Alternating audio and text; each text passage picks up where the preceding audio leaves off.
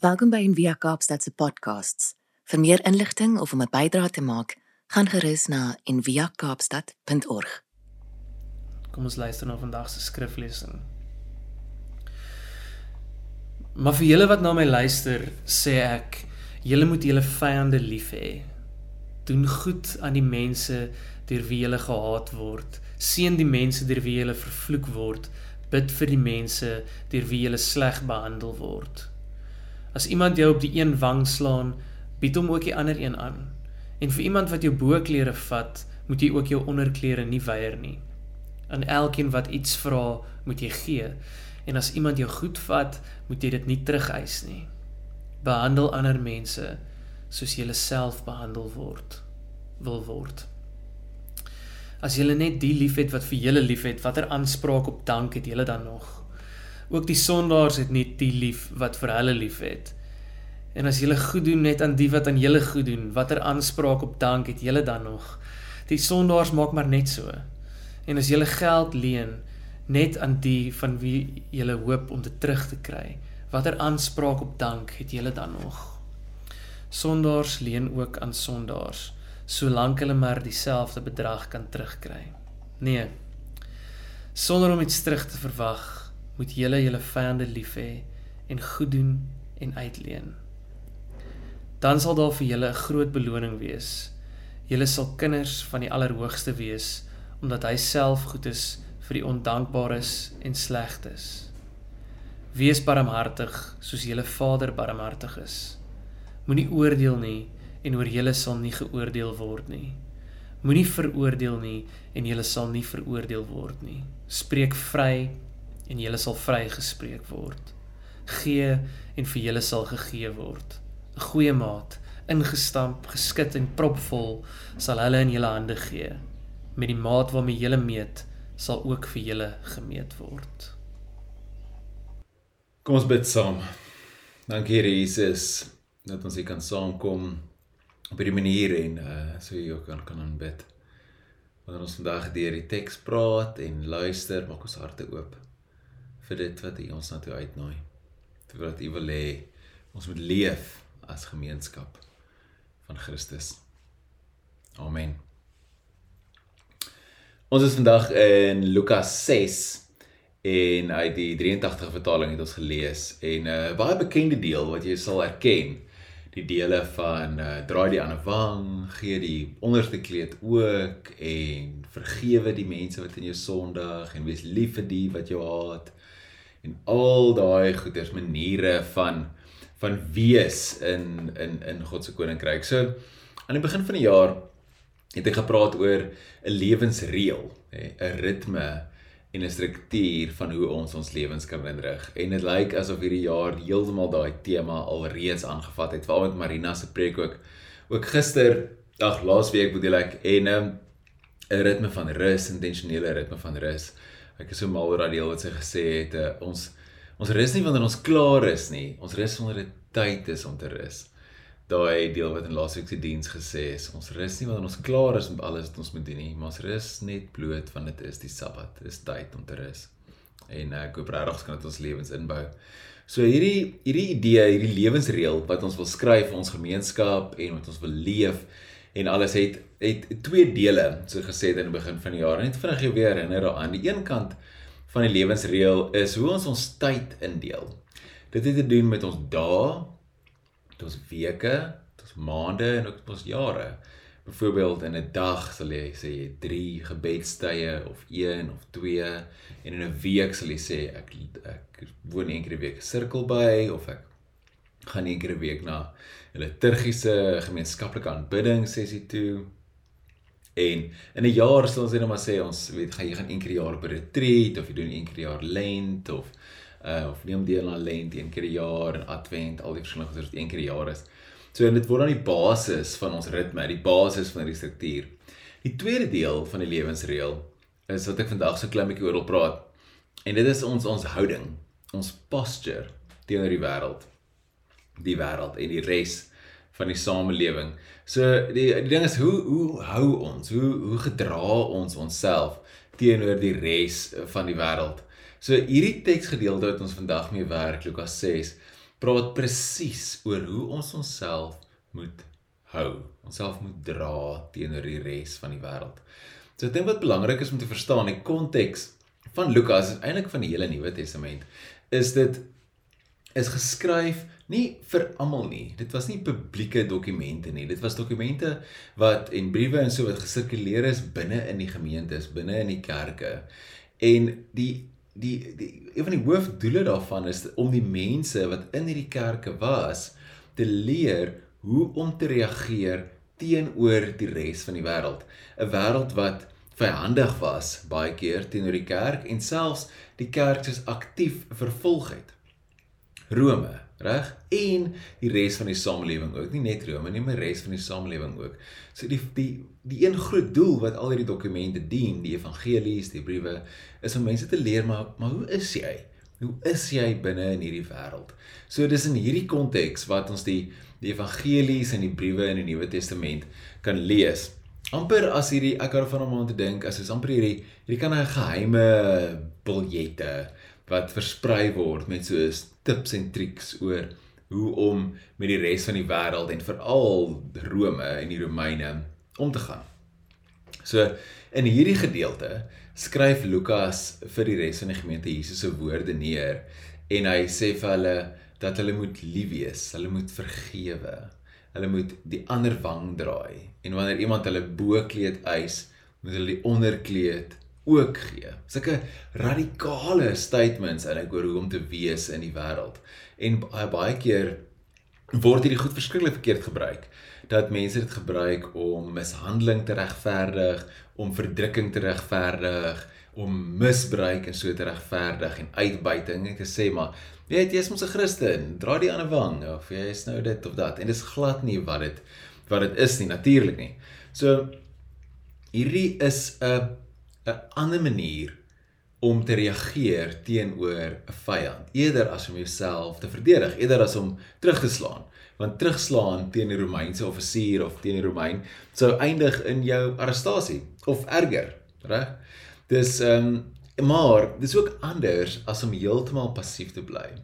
Hierdie manier is soos half 'n 'n middelmanier 'n tipe manier om die koninkryk te leef. So dit was Dis eintlik interessant wanneer mense die Nuwe Testament lees. Daar's 'n paar maniere hoe die uh, kerkleiers en die apostels en so mense bemoedig het of geleer het hoe om te reageer teenoor Rome. En daai gaan van omtrent om Rome uit te maak as die duiwel en te verstaan as die duiwel en die boosheid in die wêreld, al die pad tot by 'n lewe net 'n stil lewe en hou net jou kop op jou lyf omtrent letterlik, reg? Maar hierdie deel is vir my die deel wat die mees opvallend is. En ek dink een van die dele of die maniere wat kan die meeste voorkom binne in die Nuwe Testament. So waar Lukas hier so Jesus se woorde neerskryf van draai die ander wang. As iemand jou op jou wang slaan, draai die ander wang. Nou natuurlik, nê, nee, um, iemand sê altyd ek sê altyd weet vir my vir my vrou en hoor my seentjie veral en dogter ook. Dis soos om die ander wang te draai, moet jy eers 'n wang hê om te draai? So daar's 'n baie groot verskil tussen om net passief te wees en net iemand se slaansak te wees teenoor om intentioneel 'n hou te vat en die ander wang te draai. En ek dink ek jy kan jouself net indink as jy dit doen en jy staan voor iemand en iemand slaan jou en hulle moet jou weer 'n keer slaan, dan is jy eintlik besig om daai persoon in 'n baie moeilike posisie te sit. Want jy word dan amper hoër in status as hy en in die antieke wêreld het dit kan dit al heel moontlik so gewerk dat iemand jou sê jy sê nou met die met die linkerhand 'n klap gee so backhand gee En dan as jy die ander wang draai, dan moes hulle kies. Hulle moes of met die regterhand 'n backhand gee en jou regterhand is jou skoonhand. En dan sal iets van status wat gelyk is. Of hulle moes jou met die oop hand slaan wat eintlik ook nog kan erger is, want dan maak jy jou hande vuil en dit is 'n status ding. So jy sit eintlik daai persoon in 'n baie moeilike posisie wanneer jy dit doen sonder om jouself in die moeilikheid te kry. Want wie gaan jy nou arresteer omdat jy gesê het slaan my, né? En net so met die met die deel ehm um, gee my jou onderkleed, nê. So die die praktyk was dat jy jou iemand se bokkleed het mense geëis in 'n hofsaak en gevat as hulle hulle geld skuld of gevat as as as soos borg of of so en ehm um, dit eintlik die die ehm um, die Bybel, die Torah verbied dit dat jy dit eintlik mag doen aan iemand nie, want dit is baie vernederend. Dit is die laaste ding wat hulle besit, weet hulle klere, om iemand se klere te vat as borg of as 'n of as terugbetaling. En in hierdie deel in Lukas dan sê Jesus natuurlik maar as iemand jou boekleed vat, net die boekleed was die ding wat hulle gewoonlik gebruik het soos obviously wanneer dit koud was of selfs as 'n kombers om onder te slaap en die onderkleed was dan natuurlik jou onderkleed, presies wat dit sê, reg? So wanneer jy iemand se onderkleed ook vat, hoe gaan hy dan lyk as hy daar staan, nê? Nee? Poedelnakend kaal. En dit is net so vernederend vir die persoon wat die klere vat as vir die persoon wat die klere gee. In die antieke wêreld om iemand kaal of naak te sien was net so groot skande as om naak te wees, reg? En selfs is nou nie in die Lukas vertelling nie, maar die in ander dele wat dit sê, jy weet, loop die ekstra myl as iemand jou forceer om jou om jou om sy sy wapenrusting en sy goeder 'n myl lank ver te dra, loop nog 'n myl, nê? nou daai ding klink ook horrible. Klink verskriklik om te doen. Maar as jy die konteks verstaan, so daar was 'n wet gewees wat gesê het dat Romeinse offisiere of Romeinse soldate kon die mense wat hulle van die land onder in hierdie geval na die Jode kon hulle hulle forceer om hulle wapenrusting, so hulle skild en hulle rugsak wat ook al vir 'n myl ver te dra. Dit was wet, reg? Maar dit was ook onwettig om iemand te forceer om dit verder as 'n myl te dra. So eintlik wat jy doen deur om dit verder as 'n myl te dra, kry jy eintlik die ander persoon in die moeilikheid. So dis kind of hierdie hierdie hele ding is hierdie passiewe manier van reageer. Maar reageer eintlik op 'n ander manier ook as wat die wêreld sou wou hê jy moet reageer. En in hierdie hele gedeelte in hierdie hele gedeelte is dit die jy gemeenskap wat op 'n ander manier leef as wat die res van die wêreld leef wat eerder vergewe, wat wat gee wanneer daar van hulle gevra word, wat liefhet in plaas van haat, wat soos wat is al hierdie goeders met met op 'n ander manier hanteer en op 'n ander manier hulle self hou en posture binne in die wêreld.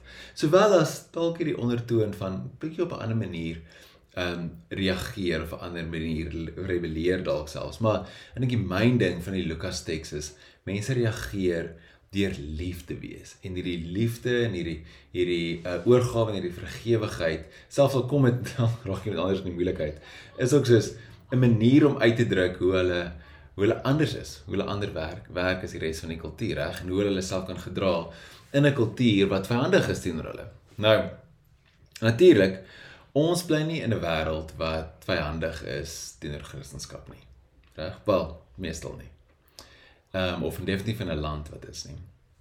En ons het natuurlik ook soos 'n vrye regstelsel wat ons beskerm en ons is glad nie eens hulle boot as die vroeë kerk nie. Ons is nie nodig om te te beklei teen 'n teen 'n verdrukker nie, reg? So, maar dit is die werk van die kerk om in elke generasie die Bybel nie te verstaan en nie toe te pas. So die vraag gestaan en die vraag is dit elke Sondag, soos hoe vertaal ons hierdie vir vandag? Eerstens, nee, net voor ons enigiets anders mekaar sê, die om te sê dat jy glo of om te sê dat jy 'n Christen is, is eintlik 'n verskriklike waagstuk, 'n verskriklike ding om te doen. Dit plaas eintlik 'n druk op jou om te leef dit wat jy glo, reg? Dit klink so obvious om te sê, maar dit is eintlik as jy dit durf waag, een skrywer sê as jy dit durf waag om te sê jy glo, dan moet jy dit leef ook. So en ek al wat jy dan saak maak vir jou is jou jou aksies en hoe jy reageer. So dit is natuurlik baie baie belangrik hoe jy reageer op daai e-pos by die werk wat 'n bietjie haat geskryf is of bietjie verneig is. Hoe jy reageer teenoor jou vrou en jou kinders, teenoor die jou kollegas, teenoor die res van die wêreld, dis mense agter die til, teenoor alles hoe jy eintlik reageer, reg? deur die mense aanlyn. So een dingetjie wat ek wil uit kan haal vir vandag. 'n bietjie oor praat en is iets wat op my hart is en ek nou van van die in die laaste paar maande en 'n stuk waarneem in ons wêreld wat iets is wat lyk like van buite af of dit mooi is, maar as jy binne in dit begin krap, dan kom jy agter hierdie is eintlik nie 'n manier ons moet leef nie. En ons praat van die tendense van cancel culture, kansellasie kultuur, hoor ek sê mense is dit is in Afrikaans is dit in Afrikaans en dan virtue signaling. So virtue signaling die een nou vertaal dit sê is deugde pronkery. Dis nie mooi nie. Deugde pronkery. So cancel culture en virtue signaling is twee groot goed binne ons samelewing. Is hoe mense hulle self hou. hoe hulle hulle self posture in die wêreld, reg? En daai twee goed, hoe meer ek daarna kyk, hoe meer kom ek agter dis nie deel van wat die koninkryk is nie. En soms voel dit dat daar 'n dat dit is, nê? Nee? Dat dit goed is om deel te wees van 'n cancel culture of om virtue signals uit te stuur of te post, nê? Nee? Dat is 'n goeie Christelike ding om te doen. Reg? So vir die wat nie weet nie of dalk vergeet het of net weer moet herinner word, cancel culture, kansellasie kultuur of uh uitpleis wat sy uitvang kultuur of iets soos dit. Kansellasie kultuur is hierdie praktyk of hierdie tendens om deel te neem aan 'n beweging, gewoonlik aanlyn, wat soos beoog om 'n persoon of organisasie uit die publieke oog uit te neem of hulle skade te berokken om sodoende die afkeer van hierdie groep van hierdie beweging te kommunikeer. Om te sê ons haal jou uit, reg? Ons hou nie van dit wat jy gedoen het nie. Ons stem nie saam daarmee nie. Ons dink is verkeerd. Ons gaan jou uitvee uit die publieke oog uit of ons gaan jou besigheid toemaak, reg? So kanselleer hierdie kanselleer kultuur, cancel culture verwys dan soos 'n massa onttrekking van ondersteuning van publieke figure, weet bekendes veral gewoonlik en selfs hele maatskappye en produkte wat dinge gedoen het wat nie wat nie sosiaal aanvaarbaar is, nou hier's die catch. Volgens hierdie groep nie. Reg? So en hierdie praktyk, hierdie cancelling, cancelling en massa vernedering, eintlik wat dit is, vind dikwels plaas soos op sosiale media platforms, reg? Soos Twitter, Instagram, Facebook, allerlei plekke. Dit vind daar plaas, reg? So en wat nogal vreemd is, dit voel kan reg op 'n manier. Mens dink as daar iemand is wat nou iets verskriklik gedoen het, dan moet niemand nou meer hulle albums koop nie of niemand moet hulle nou meer ondersteun nie. En dan so straf die massas hulle. En as jy dink hierdie hierdie waarde wat ons het as westerlinge en wat direk uit die Bybel uitkom, die as 'n mens uh wat wat regte het en wat ehm um, reg het tot 'n regverdige regverdige verhoor en al daai goeders dan is hierdie 'n baie baie vreemde ding en kan baie siek uitdraai ook. En baie keer is die ding wat mense nie mee saamstem nie, nie noodwendig eers iets wat teen die wet is nie of iets wat uit en uit oortreding is nie, maar iets wat hulle net nie mee saamstem nie, soos iets wat 'n politieke opinie is wat hulle nie van hou nie of 'n manier van wees wat hulle nie van hou nie, wat verskil van hulle. En ek dink een van die groot dinge wat Christendom ons leer, is die waarde van elke mens, reg? Selfs al verskil hulle van jou. So terwyl cancel culture baie keer kan reg voel om deel te neem, reg? Om soos ook te sê ek kontrak my steen en ook dit te doen. En ek het self al kan maar nie, ek staan nie hier en het ehm um, nog nooit iets gedoen of dink is maar agtergekom eintlik dalk is hierdie weet is hierdie iets wat Jesus sou teach en sou doen om te sê hoe onttrek julle steen van die Romeine. Onttrek dit net, weet. Trek dit al jou geld terug. Hy sê nee, hy sê eintlik teenoorgestel. Hy sê gee Gee, gee, gee. Gee as jy bietjie gevra word, gee. Gee jou jas, gee dit, gee dit, gee dit. Partykeer is ons ook kan 'n bietjie dalk 'n byt aan die agterkant van dit ook. Maar meer as dit, is dit soos die teenoorgestelde eintlik van dit. Die teenoorgestelde van hoe jy veronderstel is om te reageer. So, en dan is daar 'n tweede tendens wat wat in ons wêreld is en dit kan my nog regtig baie irriteer wat hand aan hand gaan met soos cancel culture en dis virtue signaling. So virtue signaling is soos die Afrikaans deugde pronkery. Deugde pronkery. Is die dis die praktyk om soos in die openbaar op meestal op sosiale media jou menings en jou sentimente uit te spreek oor 'n saak, hè? Ehm um, verskillende goeters soos verskillende sake van die dag, uh Black Lives Matter byvoorbeeld 'n goeie voorbeeld of ehm um, LGBTQ sake, ehm um, die omgewing, daai tipe sake van die dag, reg? En um, om jou sentimente en jou menings en goeders uit te spreek, maar en dis fyn, dis daai is regtig okay om te sê, maar die die virtue signaling wanneer dit sleg is, is wanneer mense dit uitspreek bloot om deel te wees van die groep. Bloot om jou goeie karakter, jou moraliteit tentoon tentoon te stel, reg? So mense deel gewoonlik 'n standpunt is oor 'n sosiale of 'n politieke kwessie en dikwels op sosiale media. Wat dis nie 'n slegte ding nie. Maar die waarheid is dat die die onderliggende doel is om lof of erkenning of likes te kry van ander mense in die groep wat eintlik hierdie standpunt deel. En ook die onder die ander doel is om diegene wat dit nie die standpunt deel nie te straf, te verneder. En maar die die probleem met dit is is meeste van die kere wat ek sien en beleef en ek moet bely self al gedoen het, bly dit slegs by 'n Instagram post, jou totale betrokkenheid by hierdie saak wat jy so passievol oor is en ander mense verneder en op vol display sit op al jou kanale, is soos bly dit eintlik maar net by daai post. Swart blokkie op jou profiel, reënboogvlaggie in jou profiel, langs jou pronouns, maar nie veel verder nie. Dis 'n probleem, reg? So Jesus leer ons anders. Jesus leer ons om nie die aanvallers en die wat van jou verskil te kanselleer nie, maar om lief te hê. Selfs al stem jy nie met hulle saam nie. En hieso sê ons nie ons keer nie hiermee goed wat mense doen nie. En as iemand die wet oortree, hoor my mooi, moet hulle vervolg word op die regte manier, reg? En dan moet ons hulle gaan kuier in die tronk. Dis wat Jesus vra.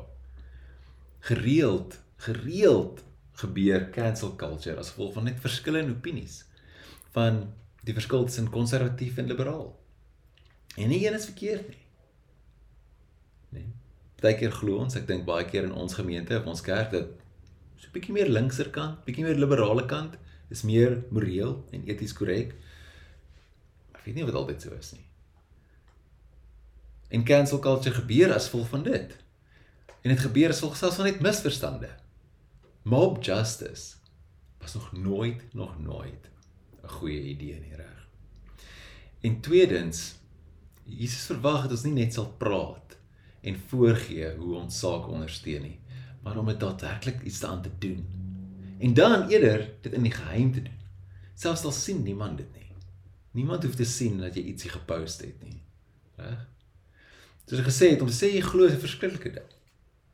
Maar die eerste enigste bewyse van jou geloof is jou aksies, nie jou uitlatings op Facebook of Instagram of waar ook al nie. Dis jou aksies hoe jy leef in die res van die tyd. So daar's 'n paar dinge wat gebeur in 'n gemeenskap wat hierdie opdragte actually durf volg, reg? Hierdie opdragte van om op 'n ander manier te wees in die samelewing. sien in die Lukas Evangelie, Jesus begin sy bediening deur om te praat van transformasie. Ja. Hy haal Jesaja 61 aan en hy verklaar hy's gevul met die Gees en hy hy bring goeie nuus vir die armes, vryheid vir die gevang vir die gevangenes, sig vir die blindes en die wat onderdruk word sal vrygelaat word en hy hy kondig aan dat die Heer die die jaar van die Heer se seën van die Heer se guns het aangebreek, nê, 'n jubileejaar. So die jubilee vir die wat vergeet het was elke 50ste jaar, nê, 7 x 7, 49 en dan die 50ste jaar. En in daai jaar is die skuld afgeskryf, slawe is vrygelaat en die grond het teruggegaan na die oorspronklike eienaars. Nou, ons weet ongelukkig nie of hierdie actually regtig gebeur het nie, maar dis wat voorgeskryf is om te gebeur. Ehm um, maar die visie daarvan, hierdie idee is wat Jesus se bediening dryf van die begin af. Hy skep 'n visie van 'n samelewing wat anders is as Rome se elite in hierdie hiërargiese samelewing wat gaan oor mag en verdrukking en misbruik. Jesus kom en hy en hy verklaar God se doel. En dan doen hy ook God se doel. Hy doen sy hierdie transformerende dinge. Gee sig vir die blindes. Help die armes. Wie doen al daai goeders die heel laat die wat verdruk is vry, bring vryheid. Al daai goeders doen Jesus. En hy doen dit deur sy hele bediening.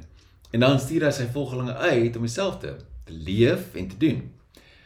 So die, sy koninkryk begin die skade wat Rome gedoen het, so stadig stadig te herstel. So wat gebeur wanneer mens eintlik hier ernstig opvat en jy begin dit leef as 'n gemeenskap, nê? Nee? Drie dinge. Eerste, die die hierdie getuigende gemeenskap, hierdie gemeenskap wat so leef, die kerk. Hulle bied die genade van God aan. Dis 'n vreugdevolle ding. Te sê om die die hulle bied die hoop aan om deel te word van 'n koninkryk wat op 'n ander manier leef. Wat nie mekaar klap die hele tyd nie. Wat 'n ander manier leef. en hulle bied dit aan aan die wat op 'n vernietigende manier leef. Die tweede ding, hierdie die mense wat hierdie aanbied, wat hierdie genade en die koninkryk aanbied, ervaar dat hulle ervaring van daai selfde genade verdiep. En dis 'n ironie, dis nie 'n straf om eintlik te doen dit wat jy glo nie, dit is 'n fees.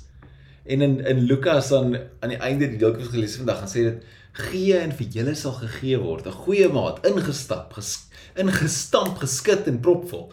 Dis daai idee van as jy skep uit 'n uit 'n mieliesak uit of so 'n meelsak uit dat jy dit skit skit skit dat hy mooi gaan plat lê en dan druk jy dit nog vas ek nog en nog en nog nog gooi.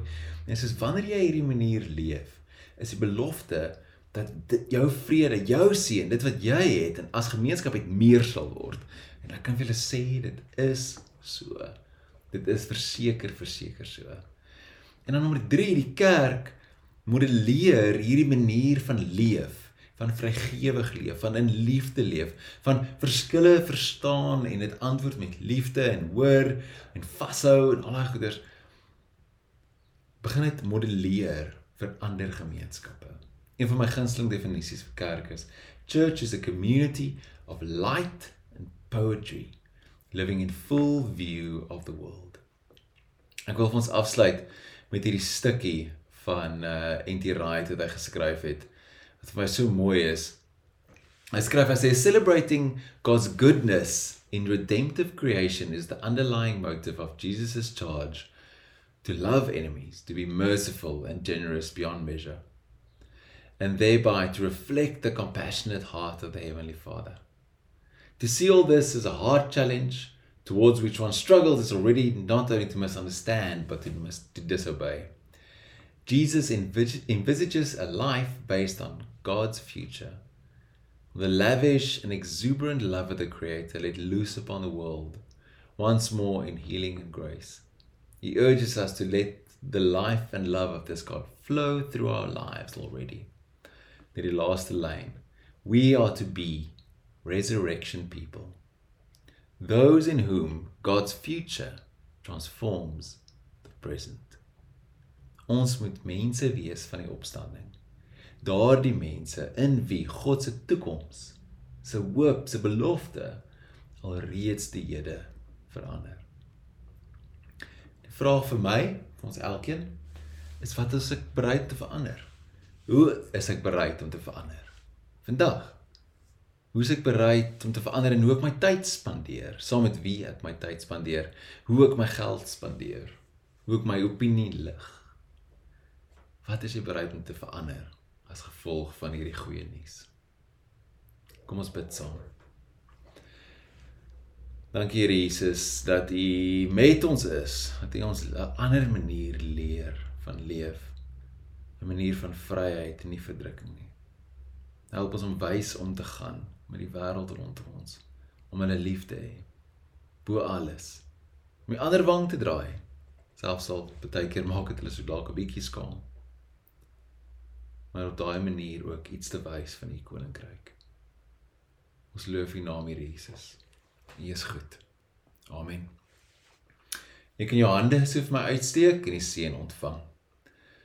Mag jy in hierdie week wat kom God se liefde uitdeel verniet. Mag jy haat en bitterheid en 'n kanselleerkultuur antwoord met liefde, met vergifnis en hoop. In die naam van die Vader, die Seun en die Gees. Gaan in vrede. Amen. Dankie dat jy saam geluister het vandag. Besoek gerus en via kaapstad.org vir meer inligting.